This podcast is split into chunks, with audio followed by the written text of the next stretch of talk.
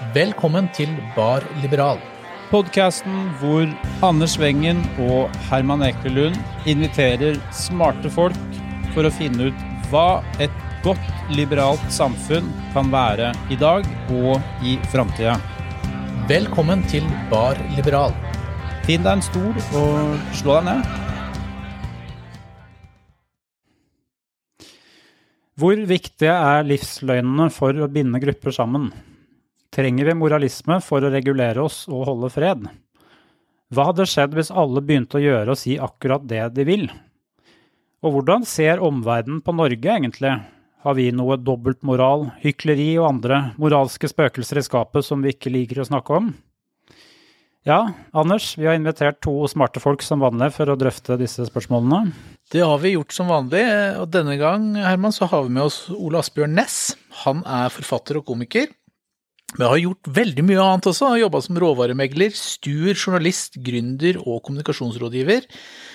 Eh, og dramatiker er han nå. I 2004 vant han Tarjei Vesaas debutantpris for sin roman Det er natt. I 2011 ble hørespillet Flavaladen nominert til Ibsenprisen. Aftenlandet fra 2018 og Fem dager i mai fra 2022 er hans siste utgivelser. Så er han utdanna siviløkonom med fordypning i finans fra NHH, og så har han også studert filosofi. Og så har vi med oss Nasim Rizvi. Eh, hun kommer opprinnelig fra eh, Pakistan og er en ekte drammenser med et stort engasjement for inkludering i det flerkulturelle Norge. Hun jobber til daglig som kompetanserådgiver i Studieforbundet AOF, og er nestleder i Buskerud innvandrerråd og Drammen og omegn tros- og livssynsforum, og har vært medlem i IMDis referansegruppe for tvangsekteskap, negativ sosial kontroll og kjønnslemlestelse, og er nemndmedlem i Utlendingsnemnda. Hun har grunda sitt eget babymatselskap, og er blitt premiert med årets Gründerspirepris av Gründerforeningen. Så her er det veldig mye og veldig variert bakgrunn fordelt på to personer. Det vil jeg si. Jeg har eh, en liten sånn, eh, et lite oppspark Eh, jeg satt og tenkte på det før i dag, hvordan jeg selv vil definere de følelsene vi prøver å snakke om i dag.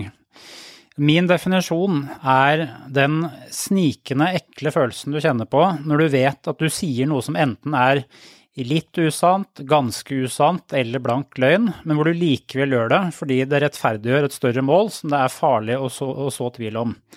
Eller på den andre siden, den moralske panikken du opplever når noen kommer med et motargument som du vet har noe for seg og er i ferd med å slå ditt eget standpunkt i stykker, og som du da reagerer med på med raseri eller en annen form for dominans for å slå det ned. Min antagelse er at vi alle har opplevd det, forhåpentligvis så sjelden som mulig. Eh, Nasim, Ole Asbjørn, er dere enige, kjenner dere igjen i det jeg sier? Og hvis ja, hvorfor tror du vi fortsetter å gjøre sånne ting selv om vi er klar over at vi ikke fremmer det som er sant? Eller er dere sånne gode mennesker som bare fremmer det som er riktig? Men det Altså, før jeg svarer på spørsmålet ditt, så vil jeg bare Hvis jeg ikke hadde trodd på at det var sant, så hadde jeg aldri sagt det, for det første. For meg så kan det være en sannhet, men det er ikke nødvendigvis at du ser på det som en sannhet. Um, og til det du utfordra oss to om nå, så, siden jeg er i gang, så bare fortsett, Asbjørn. Um, altså jeg, jeg, tenker at hvis man får et motsvar som kanskje kan utfordre og få meg til å tenke litt, så er jeg veldig glad for det, for kanskje jeg lærer noe av det. Eh, men eh, jeg føler ikke at det er noen grunn til å bli sint for å få noen motargumenter. Eh, for hvis jeg tror på noe, og kanskje vet har litt mer innsikt, eller dybdeinnsikt, i noe som den andre part ikke har, så har ikke jeg noen grunn til å reagere med å bli sint. Da kan jeg faktisk forsøke å forklare hvorfor jeg tenker det. Og, og det skal det være rom for. Eh, det forventer jeg i dagens samfunn, at det skal være rom for at vi kan tenke annerledes og se annerledes på ting. Vi trenger ikke å være enige. Nei. Nei. Nei, hvis jeg skal svare ut fra meg selv, da, så tenker jeg først som forfatter eller, eller, som komiker, så tenker jeg at der er det Der prøver jeg å være sann. I den forstand Én ting er sånn faktuell sannhet, men det er også uh, Det er noen som sier at uh, intelligensen, uh, gjennomsnitts-IQ-en, er 100. Mens når du samler mange mennesker i et rom, da, altså du får et publikum, sånn som her, eller et visst antall boklesere, så stiger intelligensen. Du, du, og, det, og, det, merker du når du står på scenen som komiker, at publikum har en egen sånn radar for bullshit, da. Eller løgn. Mens jeg tror det de virkelig store komikerne har til felles, da, det er at de eh, snakker sant og, og, får frem det morsomme. Og, og, det samme med stor litteratur. At det, eh, selv om det da er fiksjon og løgn, så oppleves det som veldig dype sannheter om den menneskelige psykologi. Og så er det da sannhet i mitt eget liv, da, som meg som privatperson. Der føler jeg jo at jeg, som alle andre, eh, driver og smålyver, eh, eller i hvert fall hvite løgner og pynter på det eh, ganske mye. Altså bare Mitt favoritteksempel er jo sånn jobbintervjuer. Mm. Ikke, at jeg, ikke, at jeg, har vært på så mange jobbintervjuer, men uh, jeg har jo alltid løyet på i hvert fall de jobben, jobbene jeg har fått. For det er jo sånn Hvorfor har du søkt på denne jobben? Og da er jo sannheten at jeg trodde at denne jobben her var uh, Dette er et selskap som virker tilstrekkelig desperat, som at dere kan ansette meg. det er sannheten, ja. ja, ikke sant. Altså, det, det, er sannheten, men jeg kan jo ikke si det. Da jeg husker med, da jeg søkte på 7-Eleven, jeg hadde, var nettopp ferdig med militæret, og så trengte jeg penger bare sånn kjapt som faen. Og så satt jeg på 7-Eleven og ble intervjuet om at hvorfor uh, vil du jobbe i 7-Eleven, og hva skal du bidra til på 7-Eleven-laget? Og sannheten var at jeg tenkte at det er jævlig ydmykende å stå med 7-Eleven-T-skjorte. Og jeg håper er det mulig å få et forskudd, men du må jo hele tiden si at ja, jeg vil være med på 7-Eleven-laget, uh, og, og ha den løgnen, da. Se for meg en karriere i 7-Eleven. Ja, karriere i 7-Eleven og etter hvert der. Og så var 7-Eleven det var jo en helt uh, grei jobb, altså sånn. Uh, men, men uh, veldig mye av livet er jo er, er, det underforstått at vi skal ljuge, da. Men ikke Egentlig. minst, hva, hva, er sva, hva, er dine svake sider? Ja, ikke sant? Det er fordi jeg ja. jobber altfor mye. Jeg er, detalj, ja. er for fokusert. Detaljorientert. Ja. ja. Og så kan vi tenke da mer i eh, i politikken, da, for å ta sånn samfunn, så der føler jeg at man lyver hele tiden. Eh, og, og, det er litt morsomt, for det er, det er kanskje det er, hvis vi skal snakke om hvorfor jeg tror det begynner å bli en sånn polarisert ordskifte. Det er litt eh, Jeg, jeg drakk kaffe med en eh, Frp-politiker her, som forklar, prøvde å forklare meg hvorfor Frp ikke steg på meningsmålingene nå, selv om uh, protestvelgerne forlot Arbeiderpartiet. Og som han sa at alle protestvelgerne hadde eh, blitt lurt én gang av Fremskrittspartiet. Og så ble de lurt for andre gang av Senterpartiet. Og nå lot de seg ikke lure tredje gang av Fremskrittspartiet. Nå hoppet de heller opp på gjerdet. Og det tror jeg er en sånn Uh, Og det er klart at da blir folk uh, litt forbanna eller fortvilet, eller de føler at det blir Og det er en sånn en mye mer alvorlig type løgn, da. Eller ta Russland, da, som er en sånn Alle sier at Russland Og der ser du jo Russland er, sånn, er jo et uh, uh, regime som ikke tar noen ting for å lyve, sånn som i forhold til Ukraina. De gjorde jo en avtale med Ukraina om at når hvis dere gir opp kjernevåpen, så skal vi for alltid sikre deres territorielle integritet. Ja, i 1994. Ik ja. Ikke sant? Og så bare blåser de det. Allerede i 2014. Og, og, og, og, bare selvfølgelig Og som råvaremegler så har jeg gjort også forretninger med Russland. Og det var også fascinerende, for at russere hadde det samme, løy, samme perspektivet på løgn som Putin-regimet viser. da. Det har også russiske tradere at i det øyeblikk en hveteprisen uh, gikk til himmels, så, hadde du en gammel avtale som da en uh, Hadde du hatt det med en tysker f.eks., så ville han måttet levere den last, det partiet med hvete. Mens russere sier da bare at det er jo ikke snakk om at du får det partiet her med hvete. Se på prisene. Altså, dette er virkeligheten, ikke sant. Og du har heller ikke noen måte å Eh, du kan ta en arbitrasje, eller du kan ta det liksom med et regulert marked i Nord-Europa, men du får ikke til det i Russland. Og du tør i hvert fall ikke dra til Moskva eller St. Petersburg for å krangle. Så det er liksom et helt uh, uh, Men på samme måte uh, også noe eh, jeg, jeg tror de aldri hadde ment det som sannhet, da, russerne. Altså den avtalen i 1994. Det var liksom selvfølgelig skjønte dere at det var noe vi lovte så lenge eh, dere ikke ville slippe Ukraina inn i Nato eller EU. Og når dere begynte å vestorientere Ukraina, eh, så kunne dere ikke forvente at vi skulle holde dette.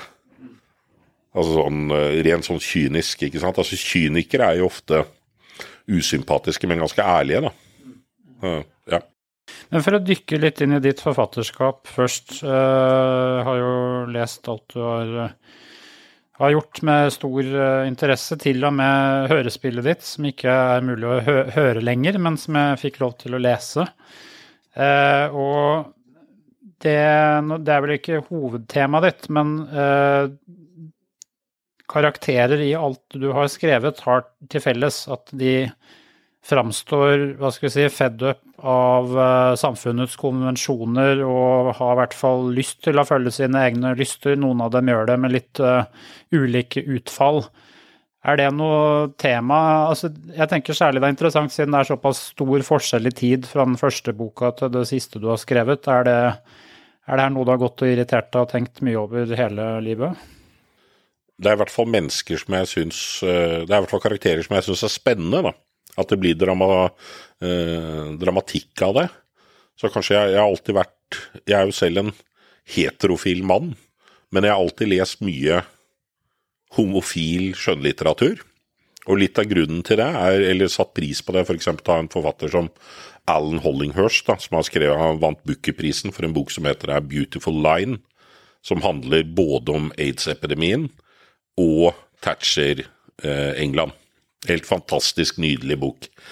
Eh, og det som er der er at det som er gøy med en sånn minoritet, er jo det at noe står på spill for dem. De er under press. Og det er jo litt av det samme grunnen til at jeg velger meg karakterer som er litt utenfor. Det er jo det at med en gang du da gjør noe som bryter med samfunnet, så kommer du under press. Og Norge er, i hvert fall i mine øyne, så er vi et ganske det kan vi jo drøfte. Jeg føler at vi er et ganske konformt samfunn, da. Sånn i ett og alt. Det er egentlig eh, Og det ser du gjenspeiler seg i ta det norske Stortinget. Eh, ta igjen Ukraina, ikke sant. At du hadde ett parti som ikke fikk være med på, på kompromisset. Mens alle de andre partiene, 95, 94 da, av de stemmeberettigede, er liksom samlet i det kompromisset. Og, og det motbøren som Jeg er veldig uenig med Rødt der, men samtidig den intensiteten vi da møter Rødt med, for at de bryter det. Det, det, det, er noe som fascinerer meg, for de er jo helt de Ikke har de noe makt, men, men, likevel så pisker vi oss opp til en sånn moralsk Så du skal være eh, Konsekvensen ved å gå utenfor da, i Norge er, kan være ganske store, tror jeg. Vi er så jeg liker det, og så har jeg vel alltid sett selv av en eller annen grunn, da, men veldig lite Det er veldig lite i mitt liv som er strategisk eller gjennomtenkt, for å si det sånn. Jeg, det hører du fra CV-en. Jeg velter mer fra prosjekt til prosjekt. Ja. Så det er ikke noe, er ikke noe stor plan, nei. Også med, med, litteratur så er jo veldig den der at det er eh, Jeg pleier å si at det lytter seg fram, da. Mer enn at du får en idé. I hvert fall sånn jeg skriver. ja. At jeg Nasim, du, du, var litt inne på det. Um, Ole Asper nevner det jo også nå i, i forhold til dette med, med konformiteten og, og, og, hvilke sannheter vi har. og Du nevnte i stad at man velger noen sannheter. Man velger noe hva, hva man ønsker å tro på. og jeg, eh, jeg er jo veldig uenig med Rødt i den beslutningen på Stortinget, men samtidig så har jeg en viss forståelse for perspektivet knytta til at uh, ja, nå blir alle sammen eh, veldig forarga over Ukraina eh, og Russland-krisa, men vi har ikke den samme forargelsen knytta til Palestina-Israel-konflikten, f.eks. Er det, opplever du, Nasim, noe, den type liksom, dilemmaer, at, at, vi velger oss noe som vi støtter opp om, eller som vi mener veldig sterkt om, og dermed også så får vi en veldig stor blindsone av alle de andre tingene som vi da bare lar gli vekk? Eh, ja, det er um, Om man ikke velger det bevisst, så skjer jo det veldig ofte. Vi så jo også det da det var eh, altså fotball i Qatar. Og, men det er jo forståelig at uh, man prioriterer å støtte Ukraina. Det skal man absolutt gjøre, for det er egentlig å sørge for at vi bevarer freden her vi bor, også i vårt eget land. Um, men Eh, det er jo det at man tenker jo sånn som jeg, som ser jo litt andre land også, som opplever eh, mye grusomt. Men jeg ser jo ikke det engasjementet der. Eh, og det kan man jo kanskje sammenligne med Iran, som er et fjernt land fra Norge. Men det har jo vekket noe i oss, alle sammen, det som skjer der. Men det som skjer i Palestina altså det engasjementet våkner ikke når det gjelder enkelte bestemte steder og nasjoner. Dessverre.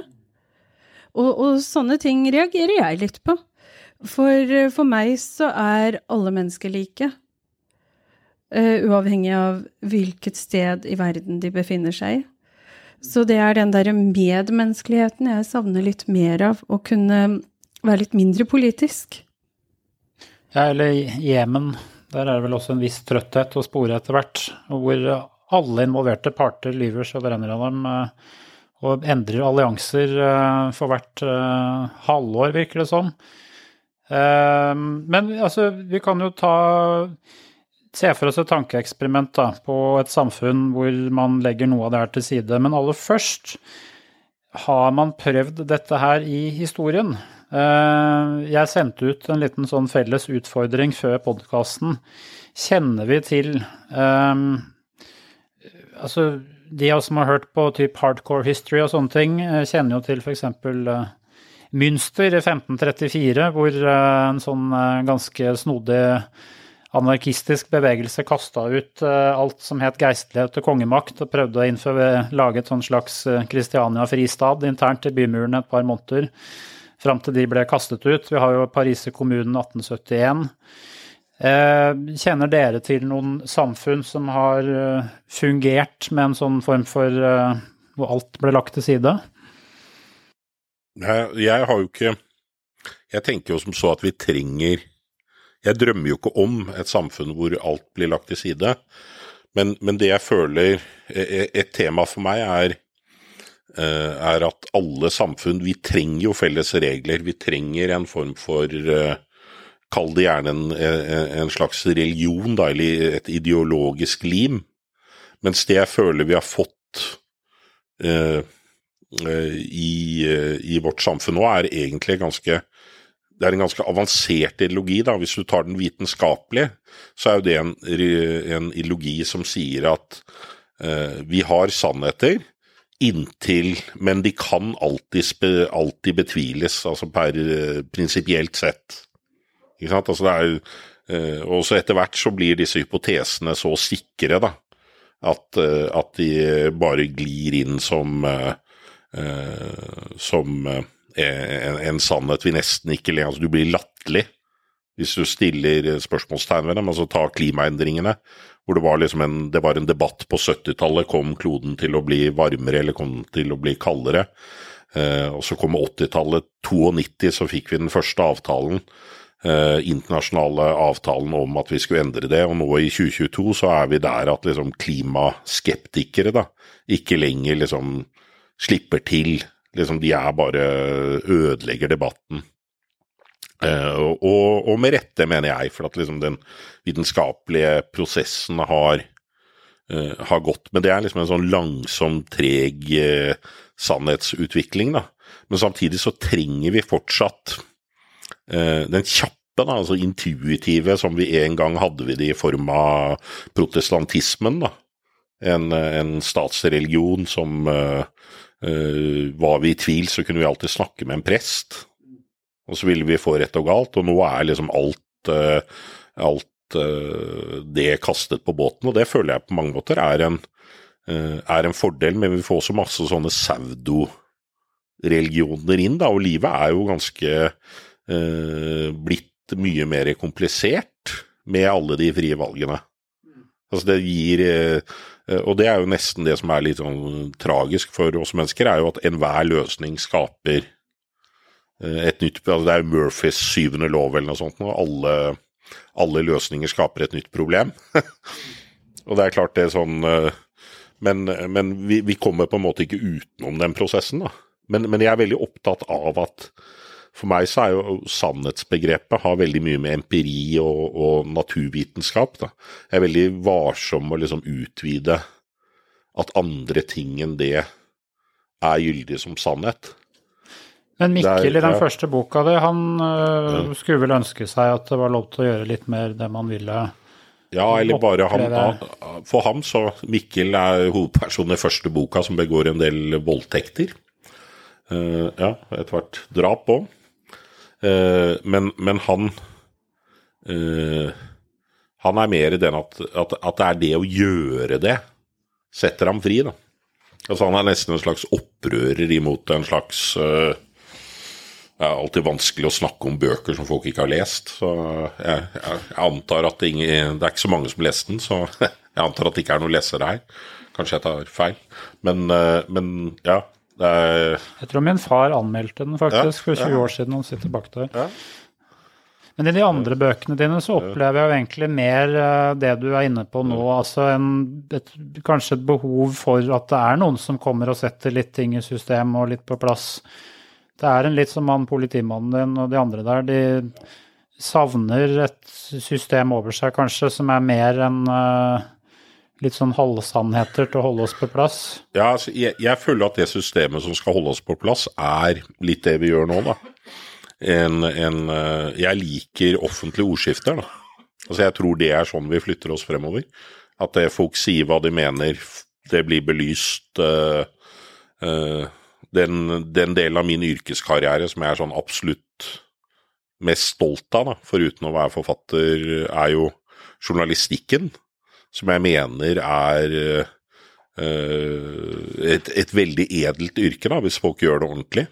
Men det er kjempevanskelig. Men liksom, god journalistikk er veldig viktig for et samfunn. da. At det er, Hvis du ser, hvis det er én ting autoritære samfunn ikke liker, så er det jo frie journalister. Det er jo noe av det første som, uh, som de mater fiskene med. Og det, er, og, det, og det er fordi at det er Eh, vi lever jo en litt sånn jeg, jeg, er veldig lite postmodernist, altså jeg tror ikke på flere sannheter. Ja, altså hvis du tar da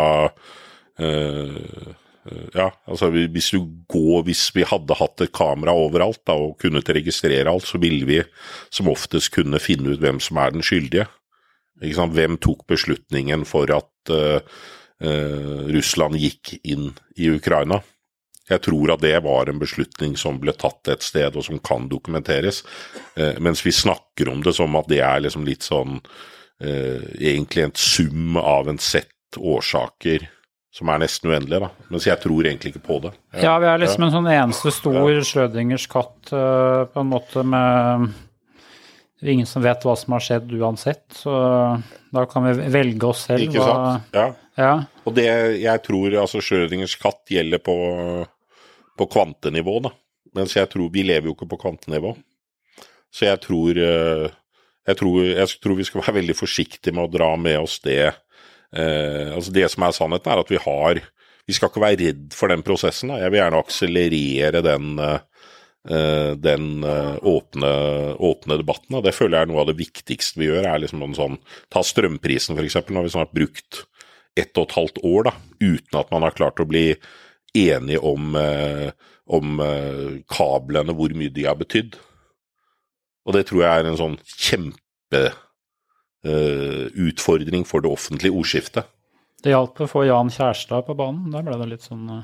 Ja, altså han fikk i hvert fall, han løftet i hvert fall debatten, da, men jeg syns jo der fikk du svaret fra Jonas Gahr Støre der.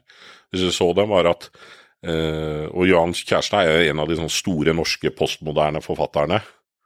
For da svarer Jonas, eh, eh, jeg, eh, jeg, vil fortelle en annen historie, som da henviser til en av kjæresta sine bøker.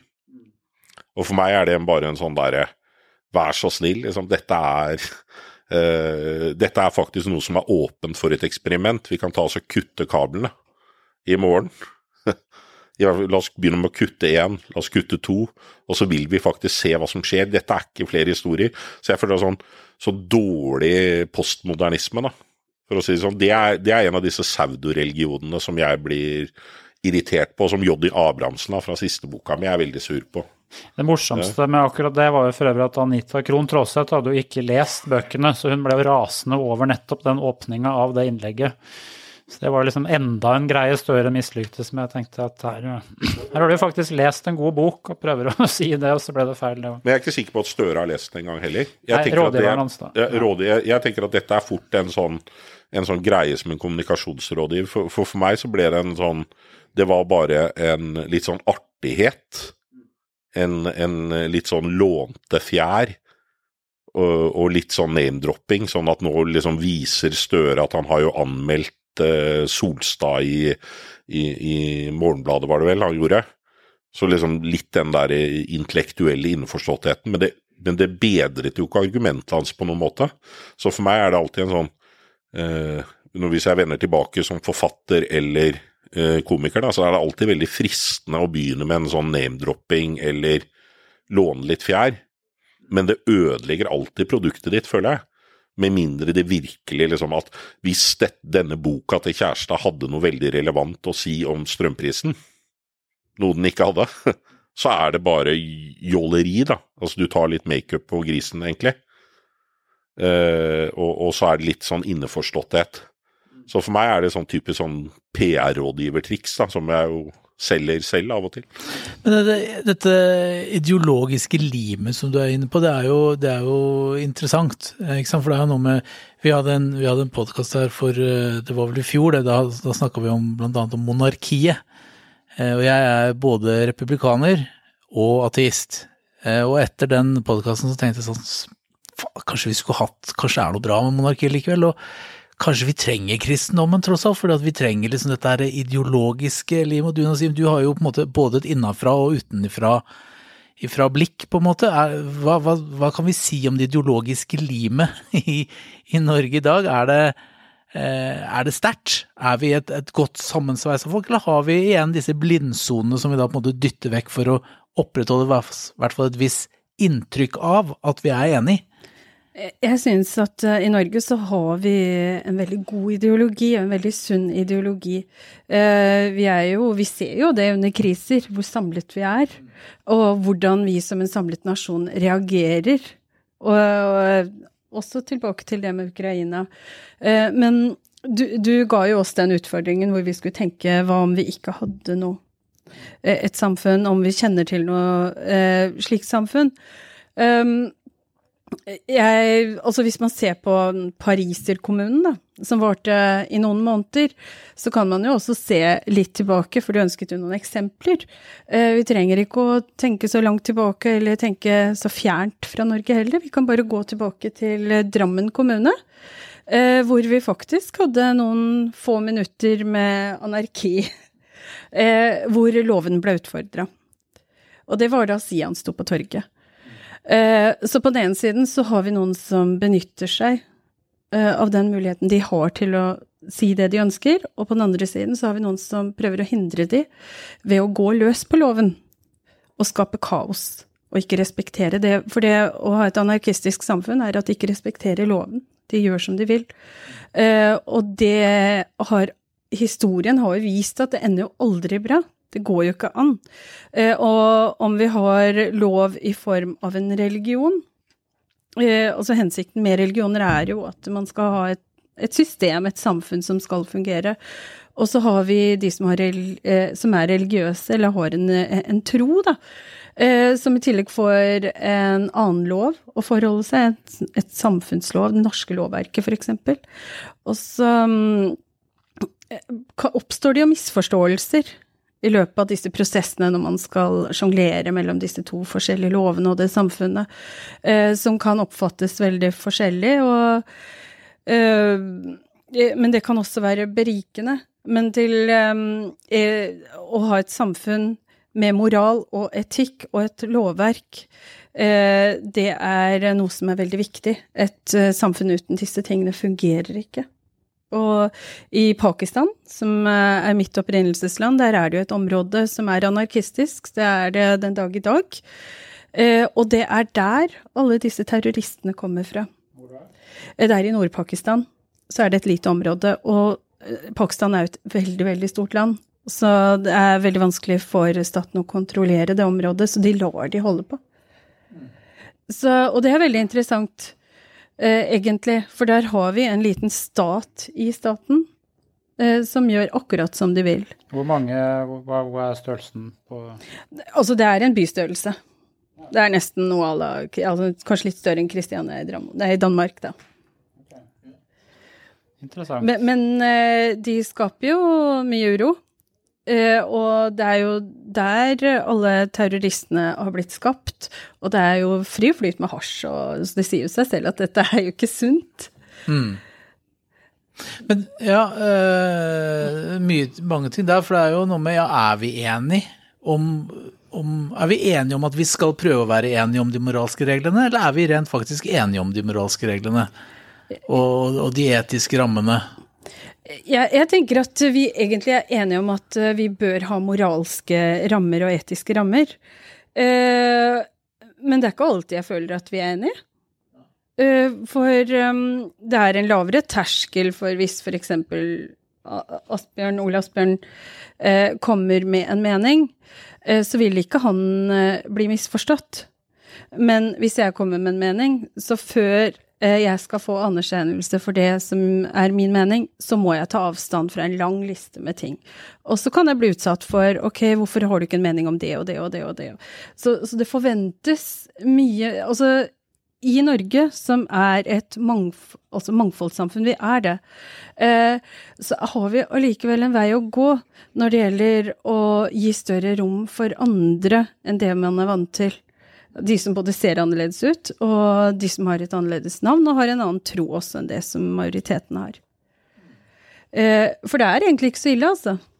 Vi er ikke så forskjellige, egentlig, når det kommer til saken. Men vi blir fortere dømt. Ja, du, du blir det som innvandrer, tenker du? Ja, det, ja. Ja, ja, ja, ja, hvis du, ja, hvis du mener det. stille, altså. Ja, ja, men, men ofte så Dømt er kanskje å ta eh, Nå klarer jeg å svare, så jeg lar ingen dømme meg. Men eh, jeg møter jo Jeg vil heller kalle det fordommer. Uh, og det er da det derre De uskrevne reglene kommer eh, Altså, det er allerede satt hva jeg skal mene hva jeg skal ha en mening om, hvordan jeg skal mene det. Eh, Så samfunnet forventer jo at jeg skal ha en viss mening, en viss reaksjon eh, på ting, og det er ikke sikkert jeg er enig. Og hvor åpne er eh, det norske samfunnet at man kan ha en mening som ikke passer inn i et vanlig A4-format? Men, men jeg tenker at dette er litt morsomt, for her er vi inne Det du beskriver, er jo på en måte et slags øh, jobbintervju for innvandrere. Ja. at, At nordmenn forventer at det er noen ting på det spørsmålet, så skal du svare sånn og sånn. ja. Og så føler du egentlig at ja, jeg burde kunne si noe annet. Det er litt som han redaktøren i Avisa Oslo, han som var lei av å Lei av å være integrert. Jeg gidder ikke bli norsk, liksom. Ja. Ja, den- av- ja. Ja, nå er jeg lei av å sitte og rettferdiggjøre at det er Men jeg skjønner han, jeg. Ja. Eh, jeg har også egentlig kommet til det punktet hvor du da spør meg eh, Jeg kan si at jeg er pakistaner aller først. Eh, og så kan jeg Nei, men du er jo norsk, da. Så sier jeg nei, men jeg er ikke norsk. Og da har motparten store problemer med å akseptere at jeg sier at jeg er pakistansk. Eh, for jeg er jo ikke helt norsk. Eh, for meg eh, så er det en liten stolt, stolthet i det å ha med meg min identitet. For jeg er jo annen generasjon, og det kommer til å ta noen flere generasjoner før de kan kalle seg selv for, for norske, og det er Altså, det er noe samfunnet egentlig rett og slett burde akseptere, uten at det skal bety noe negativt. Eh, og heller se mangfoldet. Hva betyr det å ikke være helt norsk? Eh, for eh, akkurat sånn, jeg, jeg kom jo på at jeg hadde lest den allikevel, for når vi er i utlandet, eh, i et europeisk land. Og man møter jo mange spennende mennesker. Så spør de where are you from, ikke sant. Og så Jeg pleier å si jeg er fra Pakistan, jeg. For det er mye enklere. For de aksepterer ikke å høre at jeg er fra Norge. Eh, og, og, sånn er det her også. Eh, I Norge. I enkelte situasjoner så kan det også det er liksom Uh, la oss si for eksempel Nå skal jeg sette det litt på spissen. At man kommer Ja, ok, hvis du som muslim får en svigersønn eller svigerdatter som Hvis noen av barna dine kommer med en nordmann, da. Eller ikke-muslim, hvordan vil du ha reagert da? Og da pleier jeg å svare at hvis du, da uh, Hvis datteren din kommer hjem med en som er fra helt kull svart fra Afrika hvordan ville du ha reagert? Og, ikke, og det, det er ikke for å være rasistisk, men det er bare for å utfordre de fordommene som sitter i alle mennesker på det som er så forskjellig fra det vi har og er vant til. Uh, så la de, Kall det de som er litt annerledes enn det som er typisk norsk, eh, få lov til å eh, få kjenne på de følelsene eh, får lov til å reagere uten at de skal båsettes, og du er jo ikke integrert. Eh, for, for, slike ting eh, da, da, tar den integreringsprosessen en eh, mye lengre tid. Eh, fordi mm, alt Det fokuset flyttes over på noe helt annet. Du er ikke integrert, du er ikke Uh, altså at man ikke aksepterer det norske samfunnet. Det blir så mye negativitet, men det er egentlig en prosess. Dette tar tid. Det å uh, det man kan kalle for integrering i et norsk samfunn. Eh, det er en prosess, og i, Norge så har vi ikke så lang historie, faktisk. Det kommer til å ta noen flere generasjoner. Så, og det du sa, at det at vi sitter og snakker om disse tingene åpent på denne måten her, det er jo faktisk med på å skape den forståelsen. For når man har en forståelse for andre, eh, for hvordan de har det, selv om det kanskje er helt strider imot alt du har av verdier, eller alt av dine grenser, og eh, altså eh, så er det allikevel noe som er eh, vanlig praksis i mange andre hjem. Mm. Det er, liksom, det er opptil flere livsløgner vi er inne på her på en gang. Ja. Vi har både ja, ja liksom livsløgnen om den, det tolerante Norge som er der, og ikke minst hva det vil si å på en måte være Nå peker jeg liksom gåsetegn, da, norsk. Fordi at vi er jo ikke alle, er jo ikke bare én ting, vi er jo mange ting. ikke sant? Og det er nettopp det du sier, at det er noe med å tillate alle disse forskjellige identitetene øh, å være sammen, på et vis. Ja, og vice versa kan man jo si. Vi hadde jo nå er det jo alltid råtne epler her og der, men vi hadde jo uh, saken med han uh, Imam Nord i fjor. Han viste seg å ikke være like tolerant som han forfektet selv. Man er jo gjerne noe til man er det motsatte er bevist. Det var han som var antisemittisk, var det det? Ja. ja, ja. Det er et spørsmål jeg bare huker tak i, altså, siden vi snakker om Pakistan også. Det er jo, Pakistan og Norge er jo to samfunn så begge er svært velfungerende eh, samfunn, men med ganske ulike sett, vil jeg si, av på en måte uh, fortellinger si, og sosial kontroll eller sosialt lim for å holde innbyggerne samlet og velfungerende. Hvorfor tenker du det er slik at det trengs så annen type måte livsløgner i Pakistan for å holde samfunnet fungerende som i Norge? Hva, hva er grunnen til det? Jeg syns ikke vi trenger noen andre typer livsløgner uh, i Pakistan for å holde samfunnet, uh, samfunnet sammen. Uh, Pakistan er jo en endring. Verden med både sosiale medier og tilgang til informasjon, og utdannelse, ikke minst, så skjer det jo en endring. Og den endringen har skjedd i Pakistan, men den er kanskje ikke så synlig for deg. Uh, og, eh, men samtidig så er det fortsatt mye å gjøre der, der nede. Eh, jeg tenker at den norske modellen er for meg, da, som ser begge Det er et veldig ideal, ideelt, en ideell måte å leve på. Og jeg skulle ønske vi hadde den i Pakistan òg. Men i Pakistan så trenger du ikke å gå og si til dere selv at alkohol, er, alkohol er trygt og cannabis er farlig. Der Altså, da Hva det, tenker jo, du? det er jo liksom samfunnslivet i Norge, det at det er, uh, alkoholen er så, er så bra, og cannabis er livsfarlig. Altså, jeg har Jeg ikke fortsatt ikke, hørt noen si Nei, jeg har fortsatt ikke hørt noen si at alkohol er bra. Jeg hører derimot si at det er så kult at du, ikke, at du har det gøy uten å drikke. Skulle ønske vi var sånn òg. Jeg har heller, heller hørt det. Og, uh, så har jeg også hørt det at uh, med mine barn igjen, da. Vennene deres, de, og mødrene, de syns det er veldig trygt at de er sammen med mine barn igjen, da. Fordi at de ikke drikker alkohol. Eh, så alkohol er kanskje litt sånn norsk kultur, da. En, en del av den norske kulturen som samtidig ikke er å anbefale. Jeg hørte jo for noen år siden var eh, en, en av disse alkoholprodusentene som ropte et varsku fordi at nå har ungdommen begynt å drikke så lite. Ja, ja du skal selge alkohol. ja, ja, ja. ja så at alkoholkonsumet er faktisk på vei ned mm. blant, eh, blant eh, ungdommen. I motsetning til oss, når vi vokste opp, da Jo, men jeg, jeg, jeg synes jo det er- Jeg er jo Selv er jo jeg med årene blitt avholds. Rett og slett fordi at jeg jobber så mye, da. Så jeg har, alltid, jeg har ikke tid til å være trøtt. Og jeg føler vel at det er den derre norske sånn De eneste når jeg reiser rundt som komiker, så er det sånn eneste sted i Norge hvor jeg nå fortsatt møter den gamle sånn fyllekulturen. Det er når jeg er i Trøndelag. At der lever den. Oi, Nå trodde jeg du skulle si Drammen, så nå var jeg Nei, veldig nei, nei. Altså, det er eneste sted hvor jeg virkelig møter den at nå skal vi liksom bare sette oss ned og drikke for å drikke.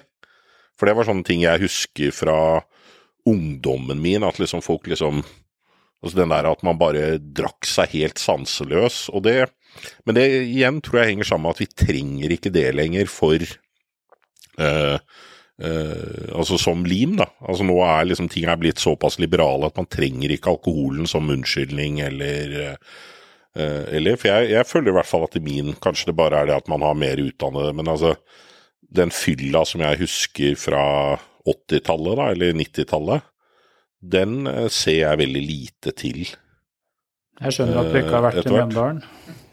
Ja, ja ikke, ikke ennå, men også når jeg merker Nei, sånn ordentlig sånn Jeg, jeg tror det er skjedd en, en, en greie der. Bare en sånn eh, eh, Altså det å virkelig sånn eh, Sprit faller vel. Det er vel vin som har økt på polet, er ikke det? Ikke sant? Eller bare sånn hjemmebrent, da. Jeg husker sånn som på min første sånn eh, Jeg husker jeg hadde en kompis hvis pappa var tannlege. Så da fikk vi tak i medisinsk sprit. Og så hadde vi det i en punsjebolle, og så drakk hele festen. Og så husker jeg at vi dagen etter så våknet alle sammen. For da hadde liksom alle 20 sovna et eller annet sted. Og det er jo sånne fester, altså jeg tror eh, Det tror jeg liksom min, datt, min eldste datter begynner å komme i den alderen nå. Og jeg tror hvis, hvis det hadde kommet ut at en eller annen tannlege i Asker hadde latt ungene få fem liter medisinsk sprit som de hadde blandet med O'boy og saft. Så hadde det jo kommet i lokalavisa, og han hadde mistet legelisensen, og ja, ja. Så der tror jeg faktisk Altså, jeg tror på mange måter ungdommen er eh, Eller bare sosiale medier, ikke sant. Vi gjorde jo masse dumme ting. Og så ble det snakket om på skolen et par dager etterpå. Men hvis du gjør en dum ting på en fest på en fredag eller en lørdag nå, så lever det jo i all evighet på TikTok eller inn Instagram. Så jeg opplever at ungdommen er blitt eh, nesten skremmende grad ordentlig og eh, ja. Så forblir de jo single og barnløse òg, da, så det kan hende at det har noe med alkoholkonsumet går ned, og dermed så får vi Ja, eller jeg, jeg Ja. tror mer det med barnløshet. Det, tror jeg, det er jo en sånn ting som jeg har vært veldig opptatt av i alle bøkene mine. Og det tror jeg er mye mer bare Altså det er rett og slett en følge av at vi utsetter så innmari å få barn. Ikke sant? Sånn i ettertid så tenker jeg at jeg burde jo ha fått barn mens jeg studerte, og gjort det ferdig eh, første halvdel av 20-årene, egentlig. Jeg- Isteden så fikk jeg mitt første barn da jeg var 34, og det er jo sånn eh, egentlig altfor sent. Sånn tenker jeg nå, nå i ettertid, men, eh, men det blir liksom litt den derre Først skal du studere, du skal liksom være ferdig med videregående, blir du gravid da, så er det jo katastrofe, og så skal du studere, og så skal du etablere det arbeidslivet og finne den riktige, og så skal du få barn. Og da er jo gjerne, ikke sant, altså for en kvinner sin del, så er de da eh, har fertiliteten begynt å gå nedover, da. rett og slett. Så bare hvor mange barn du rekker før, eh, før eh, butikken er stengt, for å si det sånn, er liksom eh, er mye av forklaringen. Så Enda en livsløgn der. Livsløgn om at det er mye utdannelse og god jobb som er veien til lykke. Ja, eller jeg tror ikke det er liv, Det som kanskje er livsløgnen der, er den at, at, at fertiliteten din jeg, jeg husker at da jeg sa første gang jeg hadde lederansvar, var en tidligere jobb jeg hadde. Og da kom jeg til å si til eh, en av eh, Bare sånn en for da hadde jeg en venninne som hadde fryst ned noen egg fordi at hun hadde eh, var nærmet seg slutten av, av 30-årene. Eh, og så hadde hun fått frosset ned et par egg, og så snakket jeg da om at en, en jente allerede tidlig i 30-årene hadde mye lavere fertilitet enn da hun var 17. Og da sa jo mine juniorer, da, disse jentene som var sånn 27 år gamle jenter, de hadde jo tenkt at det er ikke noe risiko å vente til du er 38. Så da gikk jo i hvert fall én av disse juniorene og frøs ned eggene sine. da. Mens jeg tenker jo at det er jo et eller annet noe sjukt da, over et samfunn hvor folk må liksom fryse ned eggene sine for å lykkes i arbeidslivet, og samtidig som vi skryter av at vi er så fantastisk likestilte. Det, det, det, er, det er fascinerende, syns jeg. Eller eh, bare for å ta videre, det er jo en sånn ting som alle snakker om nå, dette med at eh, at p-pillen kom, og så satte det kvinnelig seksualitet fri. Eh, og så viser det seg at hvem er det de egentlig satte fri? Det var jo først og fremst alfamannens seksualitet, som nå kan ha liksom barn med kone 1, kone 2, kone 3, eh, til eh, varierende eh, glede hos de. Da. Sånn at altså, alle problemer, alle løsninger skaper nye problemer da, som vi ikke overskuer. Så jeg vil ikke tilbake til 50-tallet, men vi bør være kanskje ærligere om, og det tenker jeg er litt av når du da kommer ifra eh, fra en eh, det, det føler jeg jo at min sånn store misunnelse i forhold til mange innvandrere som er blitt kjent med i Norge, er jo nettopp denne ekstremt sterke familien som jeg opplever at mange av dem har. Og ofte så er det i tillegg en sånn pussighet for meg at de er nye i Norge.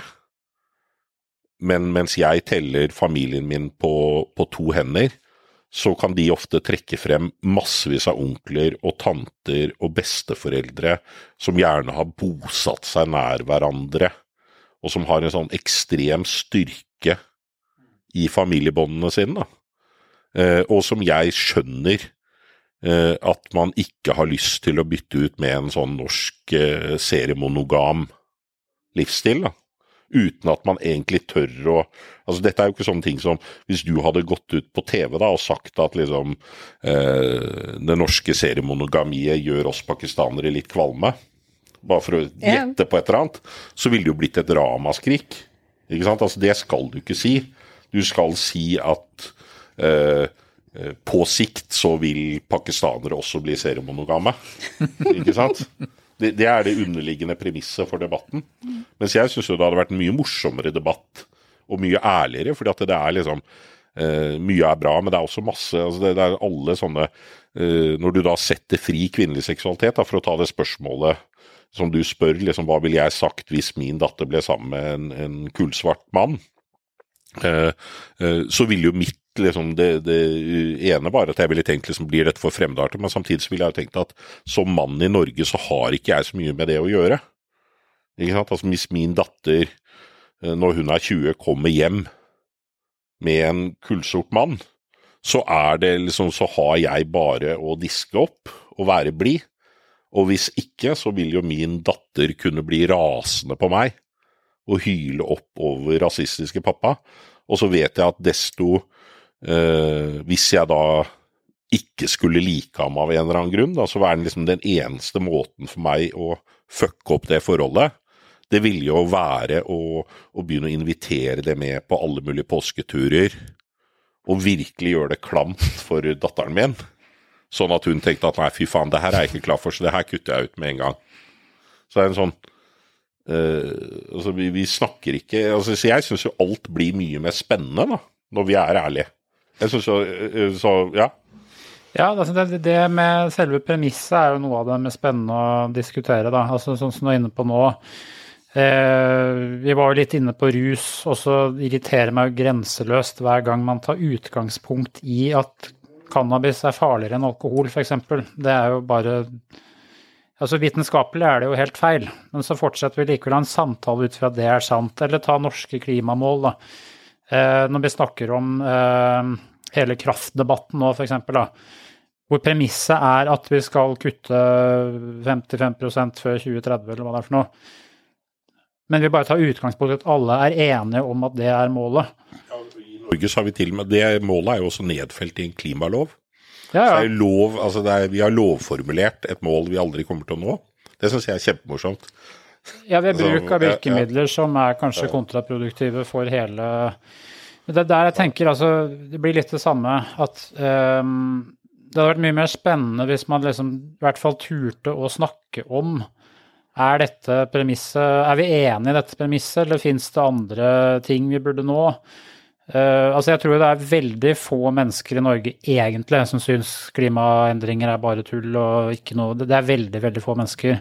Men det er nok en god del som syns det er viktig å jobbe med, mot klimaendringer, men som ble litt sånn sjokkert over Oi, shit, koster det så mye liksom å kutte det her før 2030? Det var kanskje litt heftig.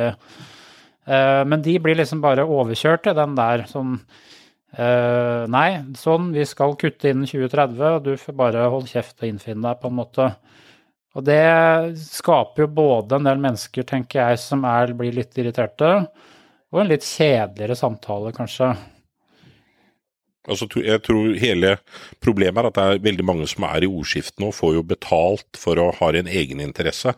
Altså, det spiller ikke noen rolle om det er sant eller altså, de, de ser mye mer på det som et eh, Dette er kaka, og så er deres oppgave i ordskiftet å få størst mulig del av kaka.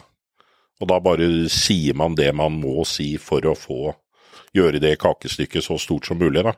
Eh, Sånn som vi snakket om sånn ta Yndlingseksempelet mitt er jo elektrifisering, at det vi da finner ut på at vi skal bruke norsk vannkraft er til å elektrifisere olje, olje- og gassproduksjon. Og nå i tillegg så har vi en debatt om å elektrifisere Melkøya, som er da et LNG-anlegg. Og det er jo sånn fantastisk, for det er jo og, og det vil gi kutt i norske utslipp, men det er jo helt åpenbart at den LNG-gassen vil jo bli eksportert og dukke opp i andre lands utslipp, men det er liksom ikke vårt problem lenger. Eh, Så det er jo en sånn Men, men eh, det er en sånn eh, Økonomer snakker om noe som man kaller for Nash-likevekter. Og det er liksom når, når det oppstår noe, en ulempe, noe som begynner som en fordel for én, ender som en ulempe for alle. Og eksempelet er, forestill dere at dere er på en fotballkamp, da, og så ser, eh, ser du litt dårlig, og så reiser du deg.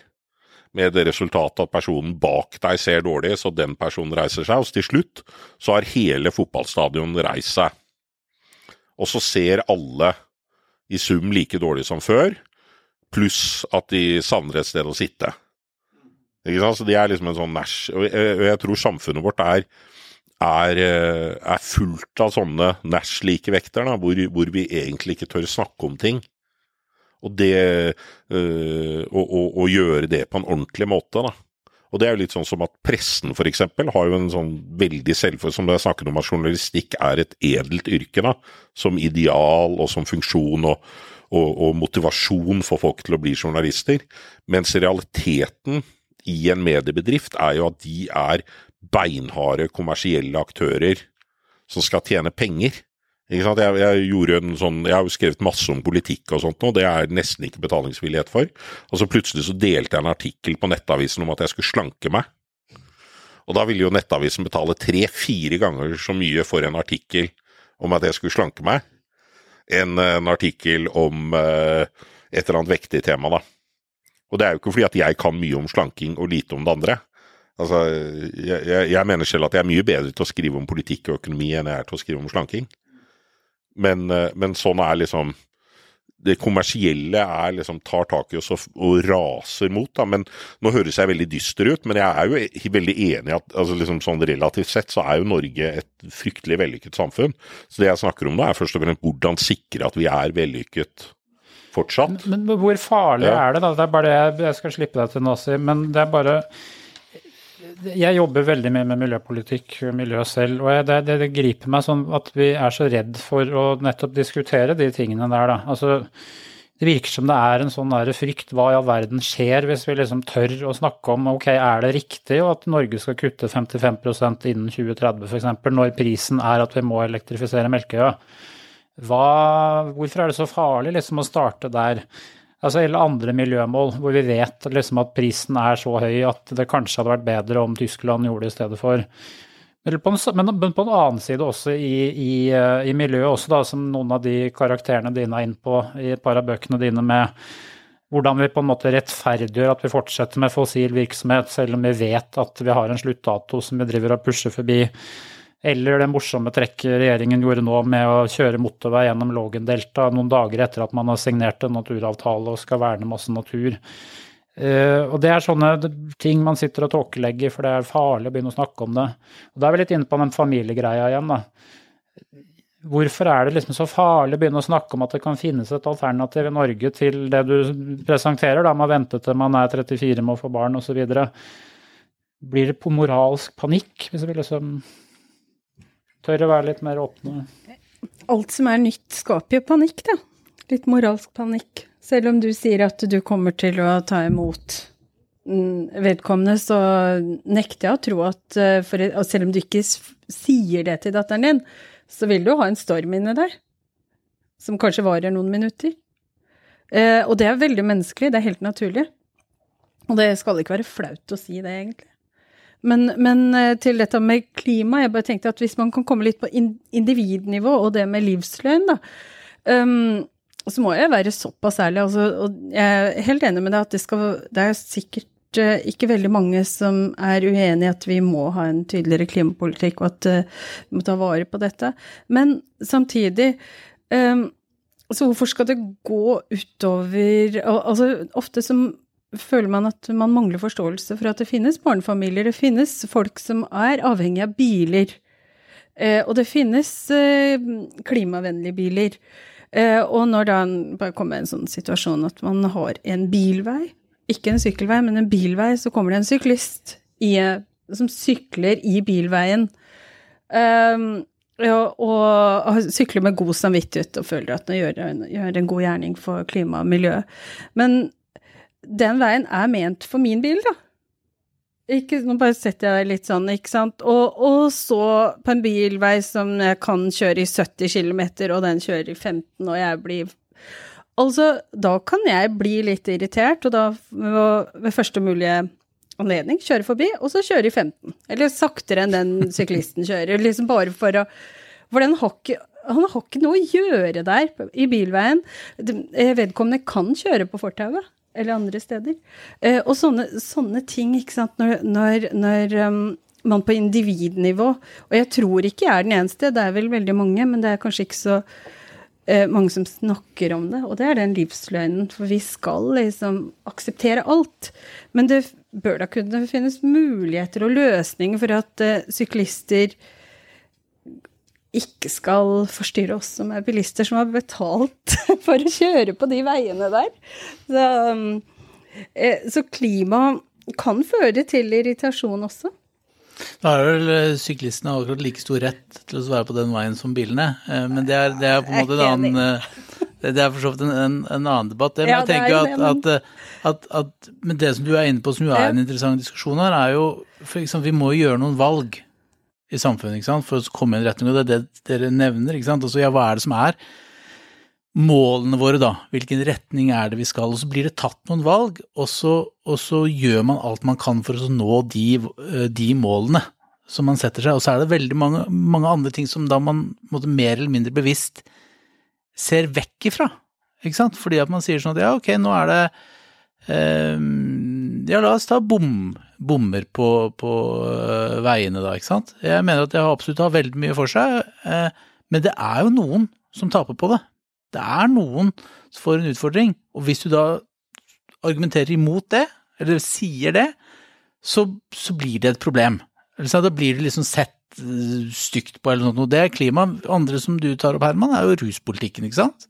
Akkurat det samme. Man har en slags sånn eh, man har bestemt seg for hva er det som er riktig, og hva er det som er galt? Og selv i møte med forskning så greier vi ikke å snu huet vårt til men- å tenke det nye. Ja, men visse ting er det jo vi som et samfunn må gjøre. Om man, om man liker det eller ikke, så må vi være sammen i det.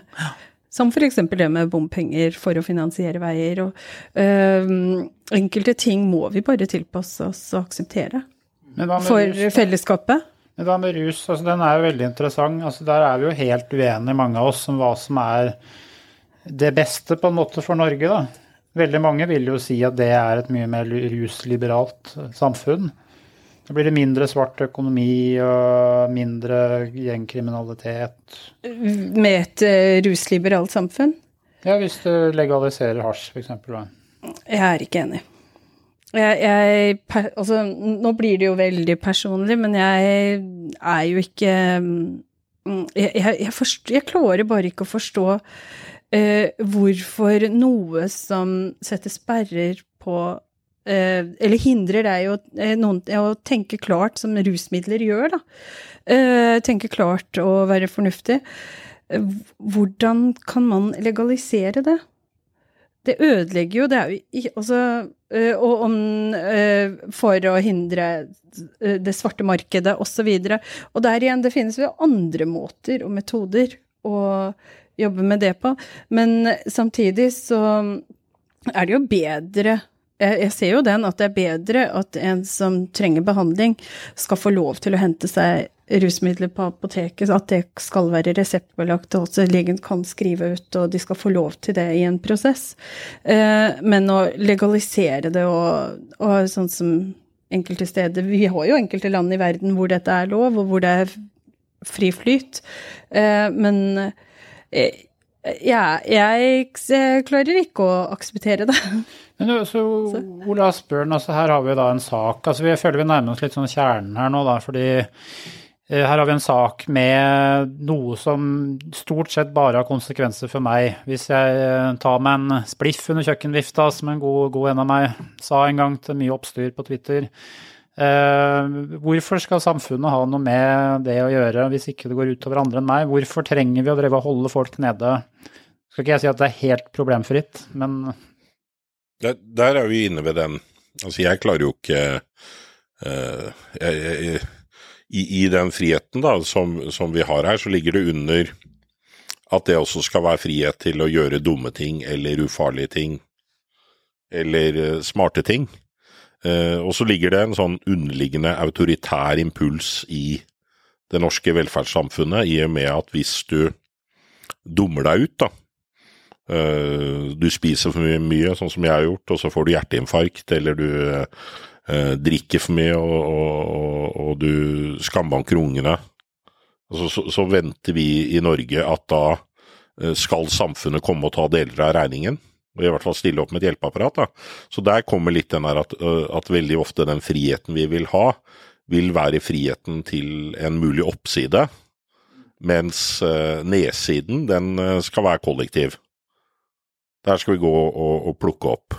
At det er litt øh, det er litt det norske prinsippet. Og så kan man si at det er eh, gitt at syndene, eller summen av laster, er konstant, da. Så er det det kanskje, men for meg så er det sånn narkotikapolitikk er Nå har vi jo akkurat fått en ganske sånn stor liberalisering i form av hvordan politiet eh, håndhever det, da, og da tenker jeg Der blir jeg en sånn veldig sånn pragmatisk at da tenker jeg at da er det greit å bare vente et par år, og så ser vi, da. Kommer Ser vi at gjengene blir borte, det blir eh, greiere for brukerne. Øk, det øker ikke veldig hos ungdom. Ja vel, da er det sannsynligvis fornuftig å liberalisere mer. Hvis vi derimot ser at det blir mye mer rusmisbruk blant tenåringer, eh, de kriminelle gjengene går over til andre piller, eh, selger billigere, ikke sant. Så, så der blir jeg veldig sånn pragmatisk, da. At jeg tenker sånn La oss bare roe ned. Jeg er også litt sånn Jeg kommer jo fra en sånn liberalistisk bakgrunn da selv som syntes det var veldig gøy å si liksom, at narkotika burde være lov å provosere med det. Mens nå i sånn, når du begynner å Det er kanskje litt Som du har blitt eldre, så føler jeg litt sånn at det er litt sånn åh, Kan man ikke liksom provosere med noe annet enn enn flere rusmidler, da? Og så er jo det fordi at jeg er blitt en sånn trøtt, konservativ fyr som er opptatt av å, å, å jobbe dagen etter, da. Uh, men uh, ja. Jeg, det er, litt rart, for jeg har også gått ja. blitt mer konservativ og mer ja. trøtt og jobber mer. Men jeg har blitt mer cannabisliberal, faktisk. Ja, nei, jeg, jeg, bare, jeg bare mener å ha sett at de, er, de av mine venner i hvert fall som har brukt mye cannabis, Uh, jeg føler at de som har brukt mest, er blitt uh, veldig teite over tid, da. Uh, men det, ja. det, er bare min anekdotiske Fair nok. jeg har et par stykker jeg òg som satt og snakka veldig ja. mye på noen sånne fester da jeg var 16-17 om å starte en bar på Cuba på stranda. Og det ble med det, for å si det sånn. Ja. Men det er noe interessant der i forhold til Jeg syns ruspolitikk er veldig, veldig interessant, og, og der òg er det veldig mange sånn ting som oppleves som intuitivt riktig, som kanskje ikke nødvendigvis fungerer. Jeg jobba i Blå Kors i noen år, eh, og hadde glede av å lese mye forskning, også sånn metaforskning, og en av de tingene som forskerne var ganske tydelige på at ikke fungerte, det var å ha holdningskampanjer mot ungdom. Hvis du gir ungdom mer informasjon om Eh, de utfordrende sider ved ulike rusmidler, så bruker de mer. Eh, og noe av det som fungerte aller dårligst, som vi også hadde når jeg gikk på ungdomsskolen, det var når det kom sånn tidligere narkomane inn, og så sa de sånn, og så skalv de litt, så var de sånn krokrygga, og så sa de det var helt jævlig å være narkoman, ikke sant, og så skulle vi bli kjemperedd og synes at dette her var helt forferdelig. Så gjorde de en metastudie på dette i USA og fant ut at de kunne følge der hvor disse her tidligere narkomane hadde vært, og overalt så de økt narkotikabruk. Uten at man helt greide å sette fingeren på hvorfor, men man antok at det har noe med tenåringer og opprørstrang, og så så, så man at det, at det gikk jo tross alt bra til slutt, liksom. Men allikevel, til tross for den forskningen, som er ganske entydig, så fortsetter vi jo. Vi får fortsatt testimonials i norske skoler, vi driver fortsatt med holdningskampanjer på norske ungdomsskoler, selv om forskningen er ganske tydelig på at det har en kontraproduktiv side. Men det er så intuitivt hos oss. Vi tenker at ja, men nei, hvis ungdommen bare får riktig informasjon, så vil de ta riktige valg. Alle som begynner å røyke, veit at det er dust å røyke, men de gjør det jo likevel. Så det er et eller annet med den derre eh, måten vi tenker på, hvor vi er nødt til å finne liksom svara, og vi er nødt til å finne liksom det, det, som oppleves som intuitivt riktig, og når vi først bestemt oss, så holder vi fast på det. Jeg tror jo, når du sier Nasim, at hvis, hvis min datter kommer hjem med en, en eh, kjæreste fra Afrika, jeg tror ikke jeg vil ha noe større problem med det enn hvis hun kommer uh, hjem med Herman fra Oslo vest. Jeg tror kanskje jeg vil synes den er nesten litt mer vanskelig, Eh, hvis han kommer med sånn matosdress og sånne klovnesko og det var ikke meg. Bare. Nei, ja. altså, så, så, men, men, men det er noe med, med, hva er det vi er vant med, hva er det vi, vi holder fast ved som viktige ting ved livet vårt, da. Ja, og det er veldig interessant det du, det du sier der, at, de at statistikkene og undersøkelsene viser at holdningskampanjene ikke er effektive, at de virker imot faktisk eh, det de ønsker å oppnå. Eh, og, og sånn sett så er jo vi litt privilegert at vi har en religion som er veldig, veldig tydelig i forhold til alt som har med rusmidler å gjøre, om det er alkohol eller cannabis for den saks skyld. Um, og da begynner Vi har jo ingen holdningskampanjer, men eh, slik som vi også blir oppdratt fra vi er veldig små, så får vi jo et forhold til alkohol og rusmidler eh, som gjør at vi tenker aldri på det som et alternativ. Og det er jo noen som selvfølgelig eh, mange, mange, prøver seg, mange, men de går eh, alltid vekk fra det. Statistikker viser jo også det at det muslimske, stort sett så er det gutter, og eh, at de slutter med det når de kommer til en eh, viss annen fase i livet sitt. Eh, så, så, det funker jo. Så det er jo, og det er jeg egentlig veldig glad for. At um, Kall det hjernevasking, kall det hva du vil, men det virker i hvert fall.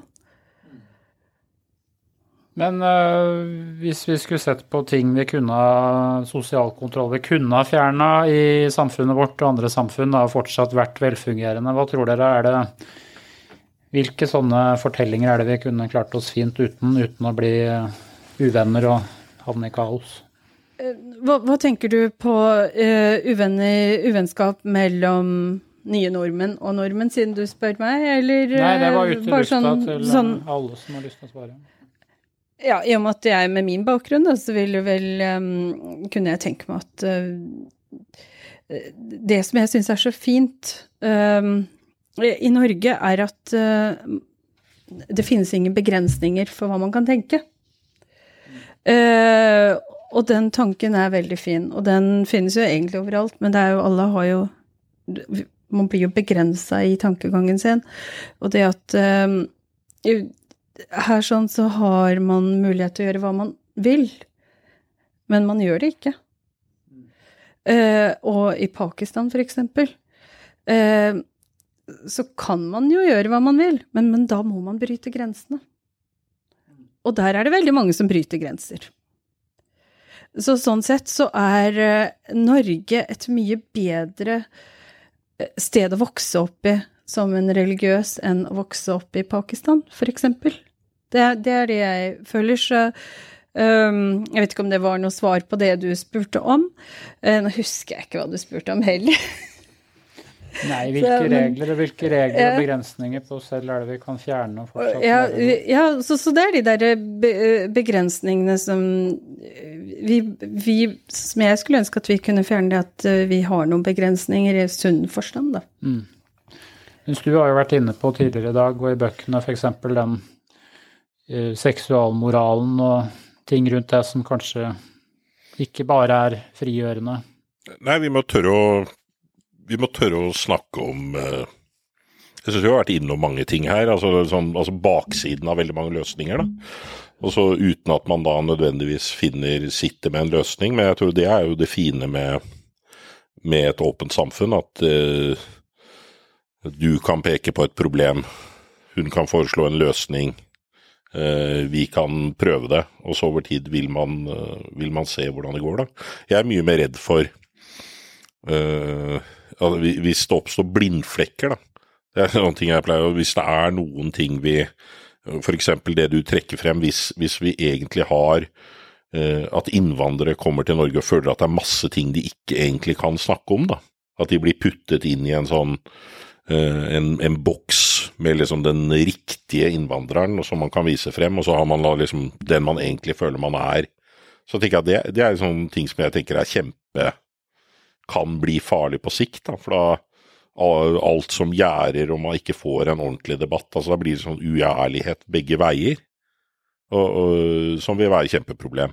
Så jeg er mye mer redd for Og så skal ikke jeg si at liksom det å vite at det er den løgnen og den løsningen, da, da, skal du jo vite, ha en eller annen sånn profetisk innsikt, og det har jeg overhodet ikke.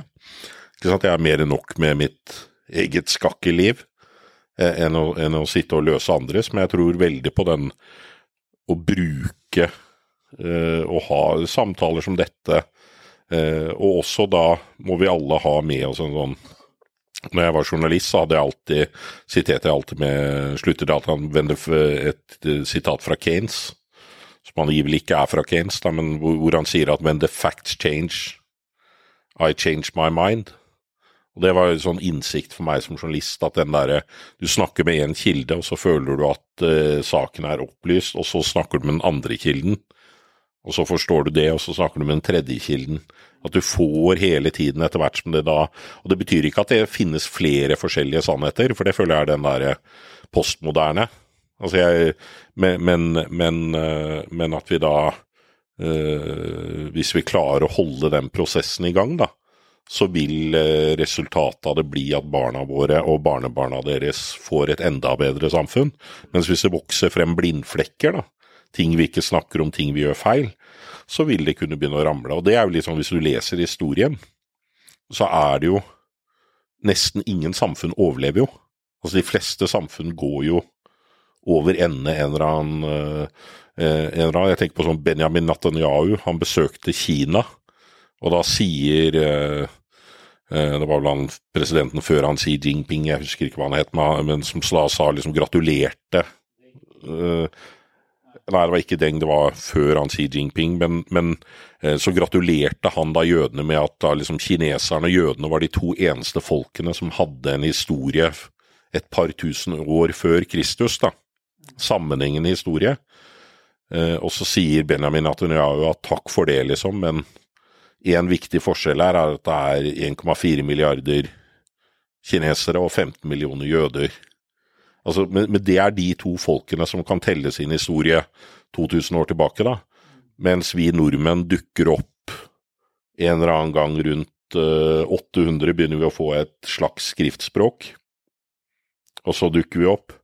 Uh, og så har du da Pakistan. Er, der har du jo Vedaen, som er liksom 1500 år før, med liksom med muslimske uh, indiske subkontinenter. Da. da er du på 1300-tallet. Ikke sant? Og, da, og, inn, og Pakistan oppsto, det var vel i 1947, var det ikke det? Ikke sant? Delingen der. Altså dette er hva, hva kommer til å skje, da? Ikke sant? Altså, utfallsrommet. Jeg minner alltid meg selv om at min mor hadde tyske soldater inne på sitt kjøkken. Og nå leser vi hele tiden om at Norge inngår et industrisamarbeid med Tyskland. Ikke sant? Altså, det er liksom Fremtiden er bare helt hinsides eh, utfallsrom, det vi klarer å forestille oss, da. Men, men du må ta opp et, siden du gikk et stykke inn på det. Altså, vi eh, Iblant så må man jo ta en beslutning. Um, jeg leste noe interessant i Morgenbladet før i dag. Jeg hang meg helt opp i det Lågendeltaet, begynte å lese om det. Eh, hvor eh, journalisten prøvde å finne ut hva er det egentlig som har skjedd i den saken her. Og så var det så mye forskjellig informasjon fra departementet her at det var litt vanskelig å finne ut hva er det egentlig dere har planlagt for noe vei, og hva blir konsekvensene for fuglelivet. Eh, og så ble det sammenlignet med den nye eh, reality-serien som Equinor har laget nå, Den største testen. Uh, hvor anmelderen bemerket uh, noe som var interessant, at målet er ikke å overbevise om at norsk oljeproduksjon er bra for klimaet. Målet er bare å vise at klimapolitikk og olje og slikt er veldig, veldig, veldig komplisert. Og da er vi litt inne på noe det du sa i starten med Russland også, og en del av de andre autoritære samfunnene. Det her med å Det er ikke nødvendigvis å si at vi er så jævlig bra, men altså alle andre er like ille, og alle lyver. Så liksom Eh, spørsmålet mitt da er jo på en måte, siden tåkelegging og desinformasjon åpenbart er en god strategi for å trenere ting du ikke liker, på hvilket tidspunkt bør på en måte en god leder skjære gjennom? Altså F.eks. ta klima, da. Jeg er jo helt overbevist om at vi må ta ganske harde grep, det tror jeg egentlig alle her mener, for å unngå katastrofal oppvarming. Um, når er det man skal skjære gjennom? Når er det greit å si at ok, det er masse x-er her, men We have to get to the Ja, jeg mener jo at demokratiet uh, Det er jo en sånn gammel debatt. altså Randers, da, for å ta en sånn norsk klimaforsker, som har alltid vært veldig opptatt av at Kina, er, Kina gjør mye mer enn en Vesten og er på riktigere kurs og nesten en sånn Jeg føler at det er et sånn autoritært drag i hans tenkning, da. Men jeg vil jo si eh, jeg mener jo at det er mye viktigere demokratiet og, og, og, debatten er mye viktigere enn at noen skjærer igjennom. Da. Jeg liker ikke sånne eh, Det som skal skjære igjennom, er, er debatten, og, og så er, vil den alltid være for treg eh, og virke for sent eller for splittende for en aktivist. da. Men det er nå engang sånn prosessen er. Og, og, og, du får jo veldig sjelden, sånn som når vi snakker nå, så, er det, så tviler jeg på at jeg får overbevist deg, eller at du får overbevist meg. Det er mer det at man liksom, noen av tillytterne, eh, eller noen av lytterne får et lite av et frø, og så skjer det en omdreining. Jeg har jo sett masse TV-debatter, men jeg har, nesten, jeg har jo aldri sett at noen i en debatt sier 'det har du jaggu rett i'. Jeg eh, forandre oppfatning. Altså det å endre oppfatning er en fryktelig treg prosess, da, som, eh, som, vi bare må legge til rette for, og som er innebygget masse egeninteresse, skam. Eh, vi vil jo gjerne ha alle svarene. Eh, og så kommer vi, men, men liksom en, eh, noe av det viktige altså der, mener jeg, der vender man jo alltid tilbake til Sokrates fra eh, eh, X-Fill, ikke sant? At det vi Desto mer du Eh, du vet, desto mer skjønner du at du ikke vet. da. Og det er sånn Med klimadebatten så føler jeg at der begynner jo Der har man jo tross alt fått gjort veldig mye. Verden er enig om en avtale, ting går, og så går det ikke så fort eh, som man skulle ønske eller som man skulle. Men jeg syns jo eh, at ting, prosessen globalt, er ganske underveis. Og så kan man si, eh, for å ta til Pakistan, nå ble det trukket frem med denne voldsomme flommen der, en tredjedel av landet. Og så kom nå nyheten om at eh, eh, siden Europa nå hadde kjøpt masse LNG-gass, eh, så, så skal Pakistan nå utvikle sine egne kullgruver og bygge opp masse kullkraftverk. Fordi at de tør ikke lenger å gjøre seg avhengig av LNG-gass fra Qatar. Og det er jo en sånn derre eh, hva gjør man med det, for å si det sånn? Altså, jeg skjønner jo utmerket godt Pakistans behov for billig, eh, stabil energi. Ikke sant? Altså det er, det, det, det, dette er liksom sånn Og da tro at man skal sitte i Norge og ha en eller annen sånn profetisk innsikt i hvordan løse det her. Altså, nei, vi må ha Det, er skakt og skeivt, men det er mye bedre enn eh, en det noensinne har vært. da. Ja, altså, bare utfor, altså, Jeg er jo egentlig helt mm. enig med deg, men bare utfordringen her er jo at uh, Dropp klima, men altså si at Ta helseforetaksmodellen. Den fungerer åpenbart ikke så veldig bra om dagen. Uh, men hva om altså, Si at du og jeg, da jeg er også tidligere kommunikasjonsrådgiver, vi blir leid inn for masse penger for å gå inn på helseforetakenes side og etablere at jo, det her funker dritbra. Uh, da begynner vi å spre desinformasjon inn i debatten. Og har du penger nok, så kan du Altså, det ble jo et ja til OL i Oslo, blant annet, da, etter at ganske innflytelsesrike folk blanda seg inn i det ordskiftet der.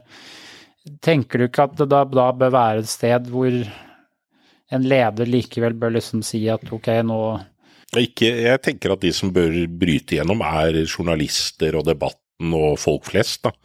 Jeg tenker sånn som den viktigste ytringsfrihets poenget for meg nå, det er ta helseforetakene, så er det jo det at, eh, at vi ikke får en debatt hvor bare lederne i helseforetakene, Helsedirektoratet eller Helsedepartementet sitter og diskuterer, men hvor legene eh, kan snakke fritt. Og da ikke legene gjennom fagbevegelsen sin, som gjerne bruker enhver debatt for å få et eller annet gode, da, men altså den ivrig engasjerte eller sånn som det, legen, eller sånn som vi hadde i Oslo, hatt voldsom debatt om Oslo-skolen, er den bra, er den dårlig? Eh, og hvor du da hadde en politikk fra byrådet om at lærere skulle ikke uttale seg. Og da tenker jeg, og det, det er for meg sånn kjempeskremmende at de som står i klasserommet hver dag og virkelig føler det problemet her, og så skal ikke de kunne altså Det blir omtrent som hvis jeg ikke skulle kunne, snakke om uh, litteratur eller språk eller hvordan jeg påvirker folk. Altså, det, det, det liksom De mest kompetente blir fjernet, da. Og Det er sånn kjempeskremmende trekk for meg, og det, det ligger under at vi begynner å få veldig mye store systemer, da. Og det skremmer alltid. Sånn som før hadde vi lokale kjøpmenn, da men nå, vi, nå er det Rema 1000 ikke sant, som snakker. Vi må begynne å gå inn for uh, landing, vi nå. Tiden flyr når man, uh, når man har det gøy, si. Um, trenger vi livslønn da, Nasim? Ja, det gjør vi. Ja, ja men da sier vi det, da. Ja. ja. ja hva tenker du? Jeg, jeg, tror egentlig man bør lyve minst mulig også. Det, det, farligste man gjør, er egentlig å lyve for seg selv. Så jeg tror ikke man trenger altså, livsløgn i den forstand at man lyver for seg selv, det tror jeg ikke man bør gjøre. Men å lyve overfor andre Var ikke det ja, Jeg håper jeg, håper jeg ikke ble misforstått der, altså, men en livsløgn for å få et samfunn for, for å fungere. Som det eksempelet med klima, f.eks. For, for vi kan i, Noen ganger så må man ha det for å oppnå det målet som er faktisk viktig. Jeg, jeg tenker sånn Kongedømme er jo en sånn eh, i, i, Norge er jo en sånn veldig godt eksempel. For der føler du at vi, vi har det konge, liksom en ganske nytt kongehus. Kong Haakon, eh, helt under krigen. Kong Olav kunne gå med generalsuniform. Så kommer kong Harald, enkel sjel, men jævlig trivelig. Eh, og så kommer sønnen hans, men så plutselig så begynner det å skje veldig mye rare ting, da. I, i nærheten der. Og der føler jeg det begynner å nærme seg en sånn grense for hvor liksom Sånn som nå, at det var veldig tydelig med denne Sofie Elise. Så var det jo kjæresten til han eh, Marius som ble anonymisert. Av en eller annen grunn. At vi liksom Det ville vi ikke gå inn i. Ikke sant? Selv om hun egentlig gjorde det mammaen til Marius hadde gjort. Eh, tror jeg. men, men, det vil vi ikke snakke om. Det vil vi ikke ha. Så der følte vi med en gang bare sånn det her demper det. Ikke fordi, men fordi at denne Hva er dette kongehuset her egentlig? ikke sant? Og, og det ser du at kongehuset selv gjør, ved de sier at Märtha Louise er utenfor kongehuset. Ikke sant? Det hun gjør med sjamanen, det har ikke noe med oss å gjøre. Oi, oi, oi, nå åpner vi Ja. mange nye eh, ting her. Ja. La lenge lokk på at eh, kong Harald røyka 20 om dagen nå. Det var Mm. Det satt langt inne.